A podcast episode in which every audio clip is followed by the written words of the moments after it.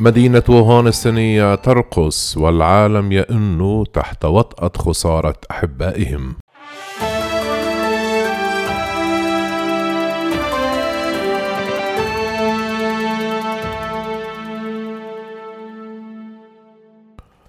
لم تعد مدينة ووهان الصينية التي انطلق منها فيروس كورونا المستجد مدينة أشباح بعد عام على الحجر الصحي الذي شهدته اعتبارا من الثالث والعشرون من يناير في عام 2020 بل عادت الحياة إلى مراقصها ونواديها الليلية واستعاد سكانها الإحدى عشر مليونا وخصوصا الشباب منهم حريتهم المفقودة بينما يئن الملايين تحت حول العالم تحت وطأة خسارة أحبائهم بسبب كورونا ويعانون من تدابير حظر التجوال. ولا يحتاج الراغب في دخول ملهى Super Monkey الليلي الضخم في وسط المدينة إلى أن يكون على قائمة الشخصيات المهمة جدا ولا يفرض عليه شرط ارتداء نمط محدد من الملابس أو حتى وضع الكمامة. ويتولى حراس الأمن عند المدخل فحص حرارة أجسام الزبائن فقط.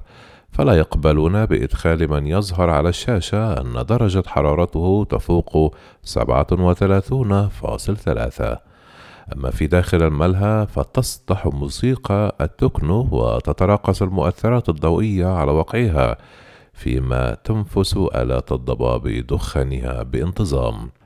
وفي هذه الأجواء المشتعلة يقبل الرواد الكثير ومعظمهم في العشرينيات باندفاع على الحلبة حيث يرقصون بحماسة وبينهم شابات يضعن على رؤوسهن عصابات صمم طرفها على شكل أرنب لتغطية آذانهم.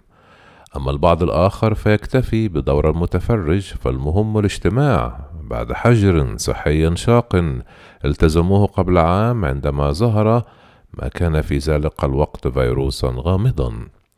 يقول ثلاثيني يدعى شو لوكالة فرانس بريس بقيت محجورا لمدة شهرين أو ثلاثة أشهر. الصين تتعامل بشكل جيد مع الوباء وبات في إمكاننا الخروج مطمئني البال في الوقت الراهن. في هذا الجو البعيد من التقشف الذي يدعو إليه النظام الشيوعي رسميا يبدي تشينغ تشيانغ وهو شاب عشريني شعوره بالسعادة لأن الصين نجحت عمليا في السيطرة على الوباء على أراضيها على الرغم من تفشيه موضوعيا في الأيام الأخيرة. ويرى تشينو أن الحكومة الصينية جيدة وتفعل كل شيء من أجل شعبها والشعب فوق كل اعتبار الأمر الذي يختلف عن الدول الأجنبية. تبرز وسائل الأعلام الصينية على نطاق واسع ما يسببه الوباء من مآسي في الدول الغربية. تتناقض مع العودة إلى الوضع الطبيعي في الصين نفسها. وترى وسائل الإعلام في ذلك دليلا على تفوق النموذج الاستبدادي الصيني.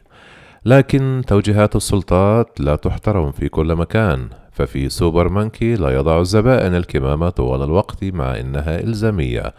ولا يترددون في إشعال السيجارة ولم يتخذ الملهى أي تدابير لتأمين التباعد الاجتماعي. ويعترف تشين شيانغ بأن الوباء أدى إلى بعض التغيرات ويلاحظ مثلا أن عدد الناس في الملاهي الليلية أدنى قليلا مما كان عليه قبل الجائحة مشيرا إلى أن الناس بشكل عام يخرجون أقل وينفقون أقل. وتشكل القواعد الصحية الشديدة الصرامة التي تطبقها بعض الملاهي أحد أسباب هذا التراجع إذ تستقبل عددا محدودا من الزبائن وتشترط الحجز سلفا ولا تستقبل إلا من يقدم إثباتا على أنه في صحة جيدة من خلال إبراز الرمز الأخضر على تطبيق التتبع. لكن كل هذه الشروط قد لا تكون أحيانا كافية للدخول. فقد رفض ملها إيميهان مثلا إدخال عدد من صحفي وكالة فرانس بريس لأن سجلهم الصحي يشير إلى أنهم من بكين حيث رصدت في الآونة الأخيرة بؤرة تفشي للسلالة المتحورة من كوفيد 19 في الضاحية الجنوبية للعاصمة الصينية. وعزلت ووهان عن العالم لمدة 76 يوما بين يناير وإبريل من العام المنصرم وبعد حملة فحوص مكثفة في الربيع بدأت الحياة تعود تدريجيا إلى طبيعتها. وأثارت الصور حفلة ضخمة في حديقة مائية مزدحمة في الصيف المنصرم. دهشة بعض متصفحي الإنترنت في عدد من دول العالم حيث يواصل فيروس كورونا حصد عدد كبير من الضحايا الأبرياء.